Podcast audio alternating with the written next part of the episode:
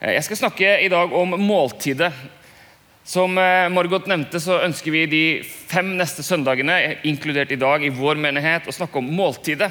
Og selv om dette er en slags taleserie i Oslo Misjonskirke Betlehem, så håper jeg også at det kan gi mening for dere som er her fra OIFC. Måltidet, eh, The Table Fellowship Jeg vet ikke hva slags assosiasjoner du får til måltid. Måltid Kanskje du tenker på noen av de virkelig gode øyeblikkene du har hatt i livet. Hvor du har sittet, sittet sammen med mennesker du er glad i, og snakka sammen i lange tider. Og spist god mat, og rettene bare kommer på bordet, det blir servert, eller du har stått og laget dem og serverer til mennesker. Kanskje du får masse gode assosiasjoner når du hører om måltid. Eh, takknemlighet kanskje det det fylles med når vi snakker om måltid. Eller kanskje du får bekymring kjenner på en sånn ah, bekymring rundt måltid. Måltid er stress for deg. Det kan være vanskelig med måltid av ulike årsaker. Kanskje du syns det er vanskelig med mat. Eh, hva slags mat skal du spise? Hvor mye? Og kanskje du sitter til bords vanligvis med noen som strever med mat, så mat er vanskelig. Kanskje måltid ikke forbindes med glede, men med savn for deg. Fordi du savner noen å spise sammen med. Du minnes ikke bare de gode samtalene, men alle de fraværende samtalene. Eller eventuelt de vanskelige samtalene. Eller all stillheten. Når jeg tenker tilbake på vår tid som eh, foreldre med barn, eh, så tenker jeg på alle de fine måltidene vi har hatt. Hvor vi kunne ha god tid til de lange samtalene, og barna kan fortelle om hva de tenker på, bekymrer seg for og gleder seg over. Nei da, gjør ikke det. Overhodet ikke. Altså, For et kaos det er å ha middag med barn. Eh, jeg tenkte, eh, jeg fant fram noen bilder. Jeg bare liksom googla 'måltid' i min egen bildekatalog. Jeg får opp noen bilder her. Liksom fra, her er Lea, da, nå ti år. Dette er jo fra en eller annen gang bort på Abelse her. og Jeg vet ikke om dere legger merke til blåbæret både på, altså på stolen og Jeg er sikker på at de flekkene på veggen bak er eh, måltidsrester fra de siste to månedene før dette bildet ble tatt. Eh, men hun smiler i det minste. Vi kan ta en videre bilde her. Jeg tror vi har et, eh, liksom flere ja, her også. Eh, legg merke til det mørke feltet på T-skjorten. Eller på smek smekka Nei, det er ikke noe smekke der, nei. Stemmer det. Eh, gardina som henger sånn halvveis over eh, barnestolen der. Eh, barnestolen som man kunne fått et fullt måltid av å bare skrape av matrestene på stolen og spise. Og kunne levd ganske lenge på den stolen, egentlig. bare. Eh, neste bilde. Ja, her er også Lea. Hva, hva er det ikke man kan bruke salami til? F.eks. som en tromme eller et eller annet sånt. Eh, agurk ligger på gulvet. Eh, Makrell i tomat var ikke så godt som vi hadde håpa. Eh, og så videre. Neste bilde kan kanskje ja, ikke sant? Her er en julaften hjemme på Abelsø med svigerfar, eller barnas eh, morfar, som ikke lever lenger. Men her, ikke sant? dette perfekte måltidsbildet som Det er så lett å ta bilder av måltid. Er folk som sitter til bords. det blir Folk ser jo så fine ut. og Ungene gjør hva de kan for å ta seg godt ut på bildet. Og, og det er topp stemning. Jeg smiler og er glad. Kjenner på masse glede og fred og lykke over å være en sånn happy småbarnsfamilie som feirer jul og kjenner virkelig dybden i eksistensen eh, virkeliggjort rundt dette bordet. Eh, dette var bare rett før eh, dette bildet, rett før Levi bestemte seg for å gå fra bordet og begynne å turne i sofaen. Jeg vet ikke om du kan se neste bilde. Eh, altså det her det er julaften, det er masse energi, eh, og han bestemte seg for jeg må turne. Jeg vet ikke om det ser høyre eller venstre fot her ta litt tak i den gardina. Eh, eh, og det gjorde den. Den tok tak i gardina. Og jeg, var faktisk, jeg tok faktisk et seriebilde her, så vi kan jo se hvordan dette utviklet seg. Ja, han, han, han river ned hele gardina og julestjerna Eh, det er middag. Eh, det er, julaften i familien Andreassen. Eh, men som vi ser på neste bilde, så kan jo en julestjerne også brukes som hatt. Så Men sant? Altså, det her er liksom Ok, måltid. Og så kan jeg kjenne samtidig takknemlighet for at jeg tross alt har noen å spise måltid med. Men dette var jo de få bildene jeg hadde med smil rundt et måltidsbord. Altså, det har vært så mye altså, Når vi sitter som familie, så kan jeg tenke har barna virkelig så kort konsentrasjonsspenn. Altså Måltidet varer i 7,5 minutter, og så får de lyst til å løpe videre. og det er sånn, Hva skjedde med ideen om dette gode, lange måltidet, hvor vi kan feire fellesskapet? Jeg, noen ganger tenker jeg liksom er det vanlig at barn spiser en kotelett bare med én gaffel uten å bruke kniv? og sitter og spiser på det? Hvem er det som har oppdratt disse barna? Jeg, og Så kikker jeg på Therese. Hva, Therese, hva skjedde?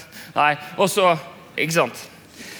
Og senest i dag Det slo meg når jeg kom på kirka i dag, at jeg skal snakke om måltid. Hva gjorde jeg rett før jeg dro hjemmefra? Jeg slang ut noe mat på bordet for ungene.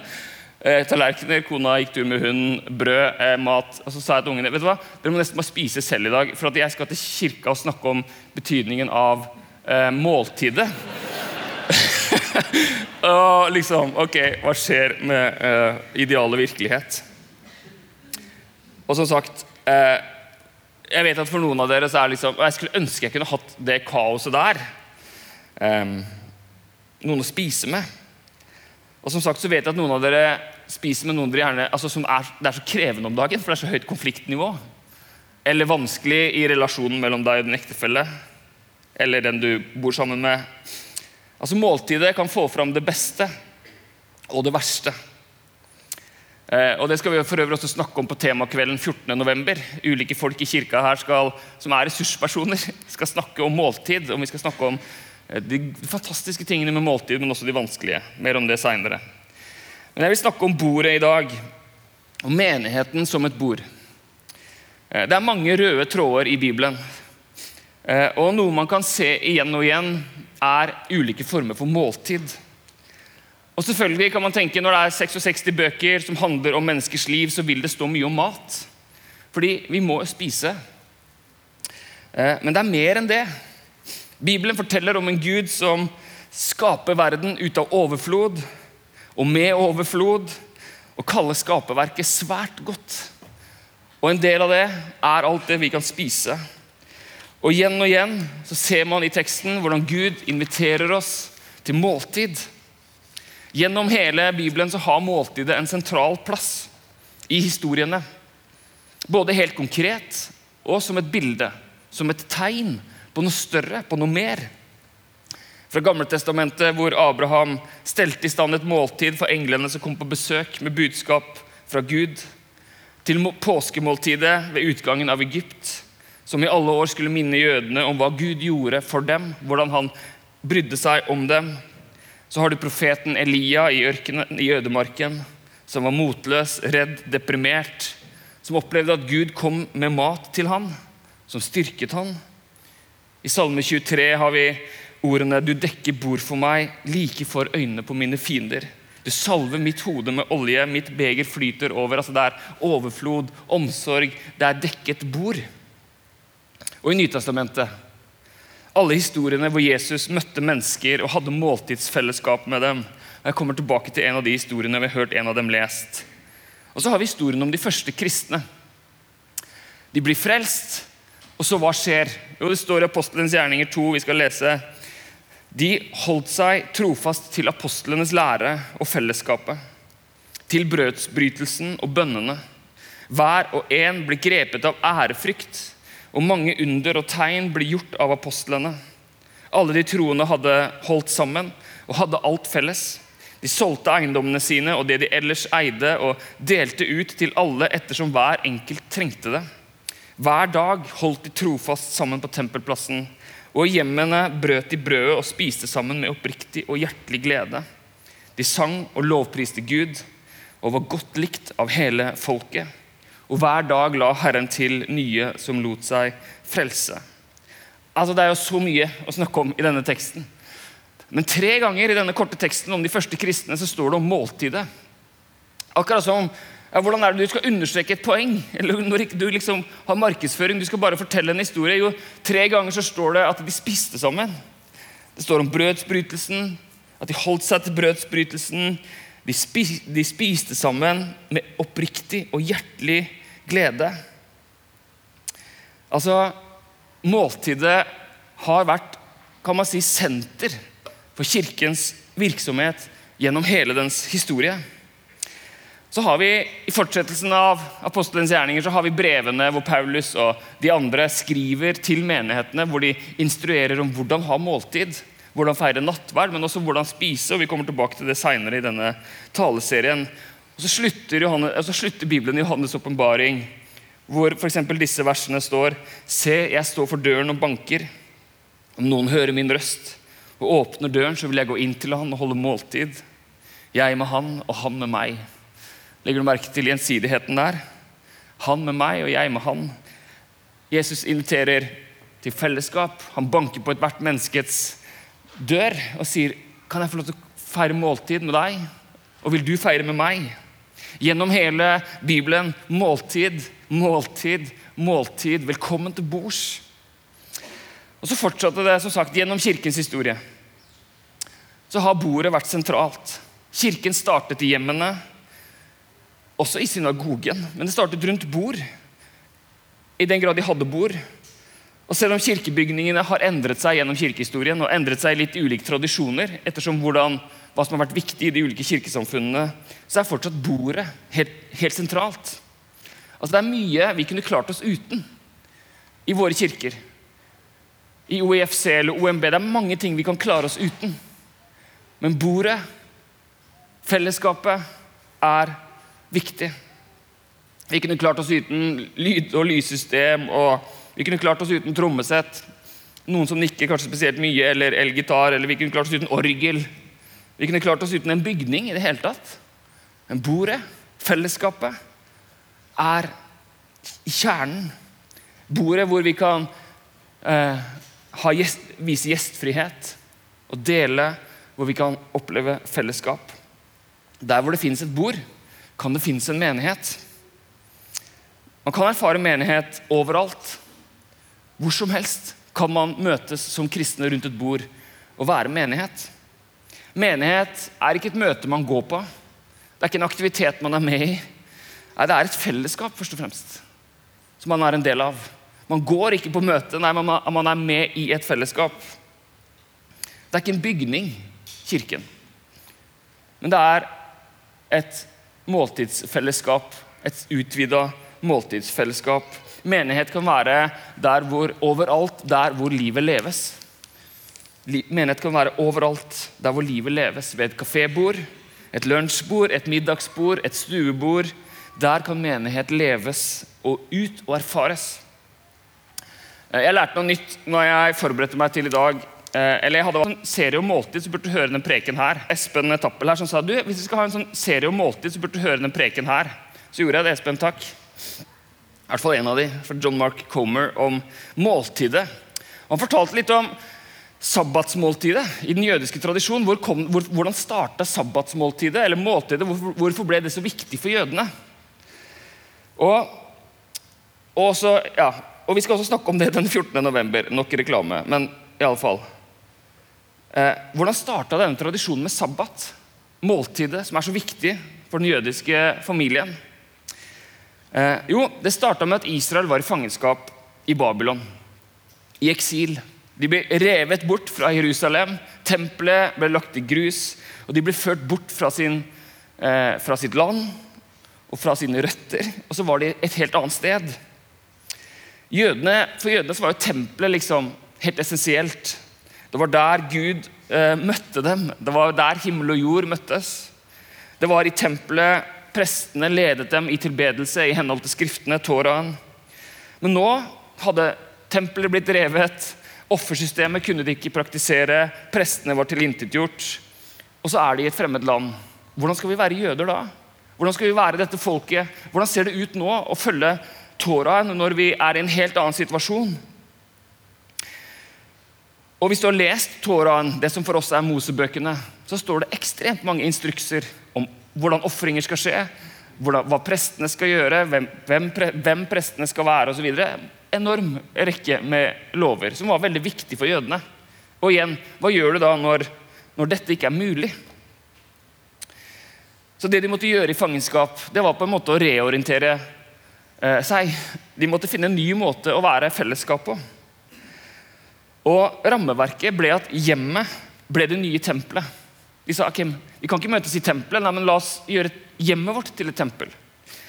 Og bordet ble alteret, og far i huset ble presten. Og måltidet ble offeret. Så de begynte å tenke at vi kan ikke møtes i tempelet, men la oss gjøre dette måltidet til eh, et offer. La oss samles i dette huset, som er et tempel, og la far i huset være prest.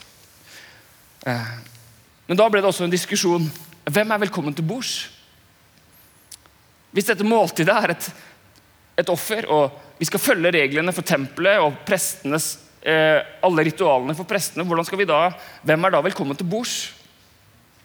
Og Fariseerne på Jesu tid var jo lovlærere, de var eksperter på loven. Og Noen mener jo også at Jesus var en fariseer, at han var en av de som ble sett på som en ekspert på loven. Derfor er han i masse diskusjoner med andre fariseere. Mange mener at diskusjonene Jesus har med andre fariseere, er, er, interne diskusjoner. Altså det, er liksom, det er diskusjon mellom fariseere. Det er ikke Jesus mot fariseerne, men det er, det er liksom de jødiske lærerne mot hverandre. Men disse fariseerne, noen av dem tenkte at grunnen til at vi har havna i fangenskap, det er vår det er vår synd. Det er at ikke vi har vært trofaste mot loven. Derfor har Gud straffet oss og ført oss ut i eksil. Og så var det en tanke, at, en teori om at hvis bare alt folket én dag klarer å følge hele Toraen, ikke bryte et, bud, så vil Messias komme tilbake. Det vil utløse et eller annet, og Messias vil komme tilbake og sette folket fri. Så Derfor så var det viktig for fariseerne at vi må følge reglene. Og Det ble viktig at familien og måltidet ble en, et sted hvor man selvfølgelig feira alt det som har vært å feire, men hvor man også fulgte, fulgte Moseloven. Og det betyr, Hvis man da leser instruksjonen om tempelet i, Mosebø i Mosebøkene, så står det at, veldig tydelig at der er det ikke plass for ikke-jøder. Der er det ikke plass for mennesker med funksjonshemminger eller eh, deformasjoner absolutt ikke plass for noen syndere eller mennesker som ikke fulgte Toraen. De hadde ikke plass ved bordet fordi vi måtte beholde bordet rent på en måte for å kunne leve etter denne Moseloven. Så en rabbi på Jesu tid, en mester, ville aldri brutt mot dette. Men så kommer Jesus. Og hva ble hans kallenavn? Som de sa litt med forakt. Han er storheter og vindrikker. Han spiser med syndere og tollere.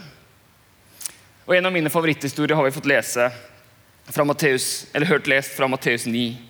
Om Jesus som kaller Matteus tolleren. Han kalles for Levi i en av de andre evangeliene.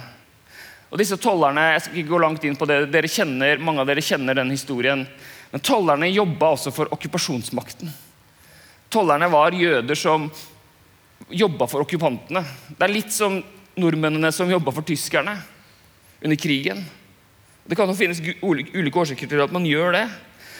Men tollerne skulle samle inn skatt fra sine medborgere, fra sine eh, slektninger, fra sine venner, fra sine medinnbyggere i byen. Samle inn skatt som skulle gå til okkupasjonsmakten. Og I perioder så sies det at det var opptil 90% skatt. Så hvis du samla ti fisker, så måtte du gi ni til Cæsar for at han skulle kunne bygge sitt imperium. Så, og så hører man i evangeliene også Det står om tollerne og synderne. Det står ikke liksom synderne i en slags felles kategori, men det står tollerne og synderne. Det var på en måte en egen kategori. Tollerne var så, så spesielle, så utenfor, at det var tollerne og synderne. Så sitter Matteus, tolleren, i boden og samler inn skatt på vei inn og ut av landsbyen, folk som går inn og, inn og ut. Og så kommer Jesus, den hellige, i egen person. Og så ser jeg for meg at Jesus går der, og så har han sin disippelgjeng gående tett bak. Og det er å anta at disse, blant disse disiplene så var ikke tollerne spesielt populære der heller. De hadde betalt mye fisk til tollerne. De hadde betalt mye korn til tollerne, og kanskje til Matteus. Og Minst én av disiplene til Jesus var selot. Simon Seloten. Hva var det med selotene? Jo, De var revolusjonære jøder som kjempa mot den romerske eh, okkupasjonsmakten. Og han, Simon, går, jeg ser for meg Simon går i gjengen sammen med Jesus og nå, den jødiske læremesteren, og nå skal de møte denne tolleren. Eh, hvordan reagerer de på det? Når de ser han tolleren? Forakter de han? Ser de ned? Hvisker de til hverandre? Spytter de på bakken? Spotter de han? Eller liksom sier de nå blir det spennende å se hva Jesus kommer til å si til Matteus? Og hva er det Jesus sier? Han sier, 'Bli med oss, Matteus. Bli med oss.' Og de andre må ha tenkt, 'Bli med oss? Er du seriøs? Skal du ha med deg tolleren? Skal du ha med deg Matteus?' Jeg har sagt det mange ganger i kirka her at disiplene til Jesus det er, det er litt av en gjeng. Altså Du hadde tollere, fiskere og seloter i samme gjeng. Og hvor ender de opp igjen? Jo, de ender opp i huset til Matteus. De ender ikke Altså, de ender opp hjemme hos Matteus. Jesus er til bords med alle mulige slags mennesker. Ikke bare 'følg oss', bli, bli, som oss', men 'vi kommer hjem til deg' og feirer måltid. Altså, Hvem er det du ikke kan fordra? Er det noen du liksom, Når du ser dem på TV, så tenker du 'åh, de der, ass' de folka der. Du skal ikke tenke sånn, selvfølgelig, men, men hvis du bare hypotetisk tenker at du kunne tenkt sånn, hva ville du tenkt da? Uh, jeg vet at ingen av dere tenker sånn når du ser på TV eller en politisk debatt eller uh, historier fra USA. Eller noe, tenker, du tenker selvfølgelig aldri liksom, for noen folk, men hvis du liksom bare leker med tanken da, Litt sånn forakt her nå. Hva, hva, hva, er det du kjenner? Hvem er det du kjenner? Åh, de folka der, ass. Hvem er det? Hvem er det du blir provosert av? Du merker liksom Åh, fy søren, for for en gjeng. Eh, og, så, og, så, ser du for deg Jesus der. Sitte til bords med de. Og så tenker du, kjære til Jesus, hva er det du holder på med? Spiser du med de, den gjengen der? Vet du hva? Er du klar over? Og så kanskje de tenker om deg. Når de ser Jesus til bords med deg, så tenker de om deg. Hæ, Jesus, er du med de? Hva skjer? Spiser du med de? Ja, Jesus er sitter til bords med alle mulige slags folk. Og Det var ikke bare for ett måltid at disiplene hele tiden ble utfordret på hvem Jesus satt til bords med. Nei, det var ikke bare ett måltid, det var hele tiden, det var i tre år at Jesus gikk sammen med dem og spiste både med fariseere, og med tollere og syndere og prostituerte som kommer og tørker håret hans. og Han bare sprengte denne skalaen for hvem, som er, hvem er velkommen til bords. Jeg har hørt en historie fra vår kirke, eh, fra vår historie, og jeg har fortalt den før om at vi i gamle Betlehem, altså vår kirke, for dere som er nye her, ble starta i 1877. Vi feira 145-årsjubileum en eller annen gang i september. Eller vi feira det, vi, den datoen passerte, men i alle fall, eh, det var 145 år nylig. Eh, og vi må gjøre noe skikkelig stort på 150-årsdagen eh, om fem år. Men i alle fall, jeg hørte historier om at i Betlehem, i gamle Betlehem så hadde man en hallelujaside og en bilside i vår menighet. Eh, og igjen, Det er en kjent historie her, men, men det var liksom en slags, på, på, den siden satt alle de som hadde bil, som hadde råd til bil. Og på den siden satt alle de som, som ropte halleluja eller sa halleluja i møtene. Halleluja-siden og bilsiden. Det var de som hadde råd til bil, og så var det de som bare hadde Jesus. på et vis, eller de som hadde, jeg vet ikke. Nei, kanskje. Nei, altså, nei poenget var poenget var jo Så kan man tenke oh ja, eh, eh, liksom så synd at det var ulike sider, men tenk så fantastisk at man kunne møtes sammen. Eh, fordi man møtte mennesker fra et helt annen liksom, del av Oslo, helt annet sosialt lag, helt annen sammenheng, men man møttes sammen. Fordi det viktigste var ikke om man hadde bil eller hvordan man tilba, men det var at man hadde, vi var samla sammen rundt Jesus. At man kunne feire gudstjeneste sammen. Vi trenger ikke bare bilsiden og hallelujasiden, vi trenger alle mulige slags sider. Og Tenk om menigheten, dette bordfellesskapet, blir det stedet hvor du treffer folk du aldri ellers ville møtt. Vi er jo relativt homogene, sikkert både OIFC og oss, selv om vi er litt mer homogene enn dere, Pål. Men liksom, tenk hvis menigheten er det stedet hvor du Der treffer jeg folk som jeg aldri ellers møter. Der får jeg vennskap med folk som jeg aldri ville blitt venn med på jobben eller eh, eller i nabolaget, men der er det folk fra en helt annen sammenheng enn meg. Som ikke du ville hatt bordfellesskap med om det ikke var for Jesus. At, de, at menighetene våre blir så fylt av så mange forskjellige folk at det eneste vi har felles, det er Jesus. På en måte, alt annet er ulikt, men nei, vi har Jesus felles. Vi samles rundt Jesus, og det er det vi har felles. Og ellers er vi fra alle mulige slags sammenhenger. Hvor vi ikke møtes pga. at vi har samme nasjonalitet, men på tvers av nasjonalitet. Ikke pga. samme interesser, men på tross av at vi har helt forskjellige interesser. Ikke pga. samme politiske farger, men alle mulige slags farger. På tvers av alle sosiale lag. Tolleren, fiskeren, seloten, den prostituerte, fariseeren og Messias. Men det er ikke lett. Det er ikke komfortabelt. Eh, og det er jo nettopp det Nytestamentet handler om. Nesten. Nesten alle brevene i Nytestamentet. Hvordan skal man leve sammen i et bordfellesskap med mennesker som er, tenker helt ulikt? Og som spiser helt forskjellige ting. Og som kommer fra helt ulike tradisjoner. og det er Jøder og hedninger. Jeg tror ikke vi kan forstå hvor stor forskjell det var. Skal være sammen rundt Jesus. Og Noen ganger så skriver Paulus kjempe, liksom, setter tydelige grenser og er kjempehard og Noen ganger så blir ikke Paulus og de andre kristne lederne enige heller. Et eller annet sted står det at De, skal, de blir ikke enige engang om hvordan de skal utbre evangeliet, som kalles ordet om forsoningen. Noe som er lite paradoks. De blir ikke enige om, altså, om hvordan de skal forkynne evangeliet. så de blir enige om å agree to disagree, og så skilles de. Altså, det står om det i, i Bibelen, men det er utfordrende å være et bordfellesskap. Men jeg vil heller være i en menighet hvor det er utfordrende enn hvor det er veldig lett. Og jeg må si jeg ofte misunner kolleger som starter nye menigheter. Det er jo blodslitt og ekstremt krevende, og mange får det jo ikke til. Det er, det er virkelig en kjempejobb. Men noen ganger når man gjør det, så kan man liksom si sånn her gjør vi det hos oss. Her er rammene, her er stilen, dette er oss. Og så kan alle som liker akkurat den måten å gjøre det på, komme. Det eh, er ikke sikkert du kjenner deg igjen, Pål, at det er sånn nødvendigvis å starte en ny kirke. Men hvordan gjør man det når man har holdt på siden 1877? Hvor man ikke bare er én gruppe på ca. samme alder som mener de samme tingene, liker akkurat den samme musikken, men hvor man er fire-fem generasjoner. Hvor det både er modernister og postmodernister. Hvordan holder man det sammen når vi hører på 27 forskjellige radiokanaler eller 946 forskjellige Spotify-lister, og så skal vi komme sammen til bords. Eh, Ofte så er det jo litt trist at det som kanskje skaper størst bølger i en del menigheter, er likes and dislikes, for å si det på godt norsk. Altså hva vi liker og ikke liker. Jeg liker ikke de sangene der, den sangen der, eller jeg liker ikke at uh, det skjer sånn og sånn. At det er liksom det som er, kan noen ganger skape størst bølger.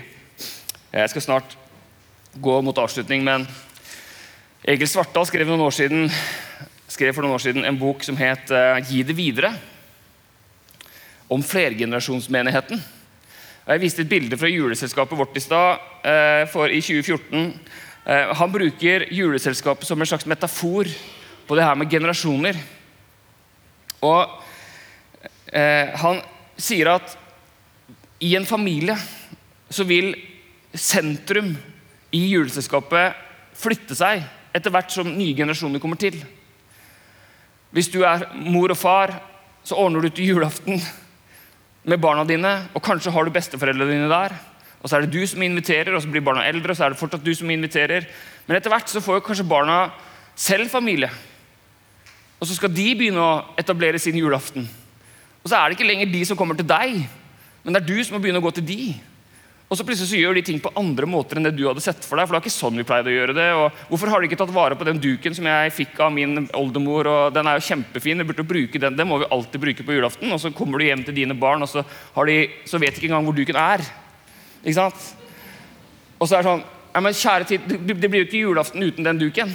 Altså, og så må du bare erkjenne at nå er det ikke lenger jeg som bestemmer duken på bordet, eller hva vi skal spise engang. Men det er, det er barna mine som gjør det. Og kanskje liksom får bestemor lov til å velge dessert selvfølgelig, og masse andre ting, men det er liksom, man må bare erkjenne at nå er fokuset flyttet. Det er jeg som er på en måte på besøk. Så er ikke kirke en slags maktkamp om hvem er det som sitter med kontrollen. Men den der tanken om at vi til enhver tid burde tenke ja, vi må, vi må slippe til neste generasjon. Og Jeg lurer på det også som kirke.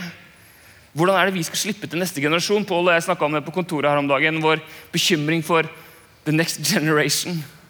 Hvordan skal de få kjenne at dette her er deres kirke? Deres menighet. Her kan de få plass og rom og innflytelse.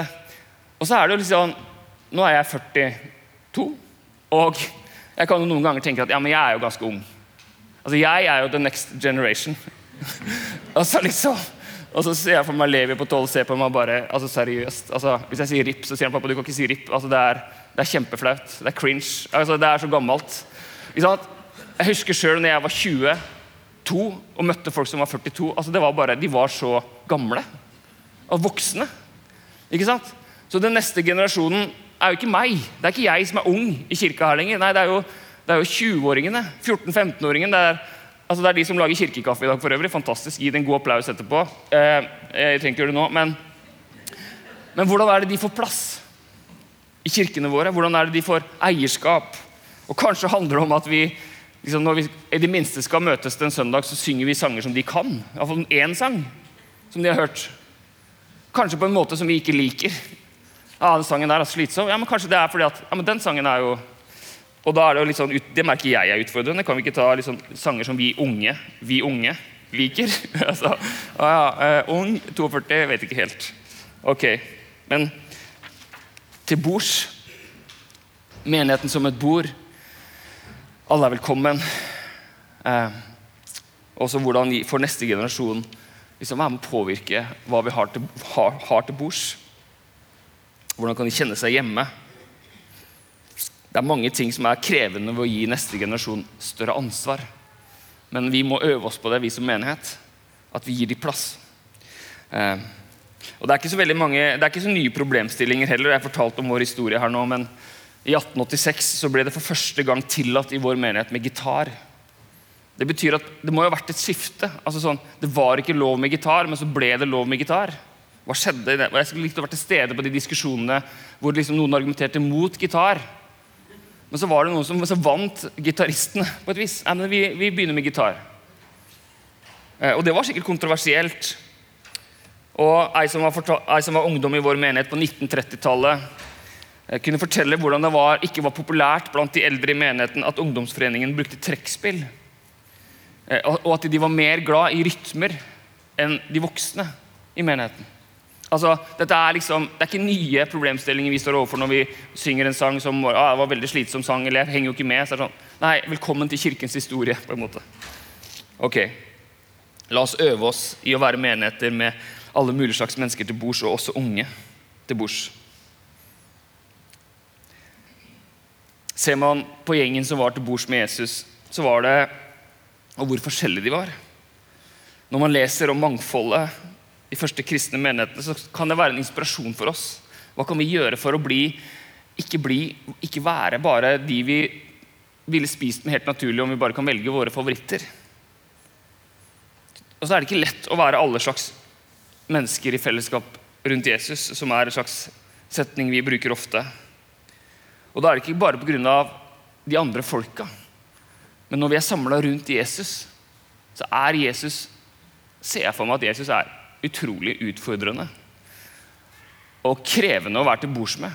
Du kan lese vi skal gjøre det senere i denne serien, lese en del av Jesus-historiene og hvor, hvor, mange ganger han krasjer ulike måltid.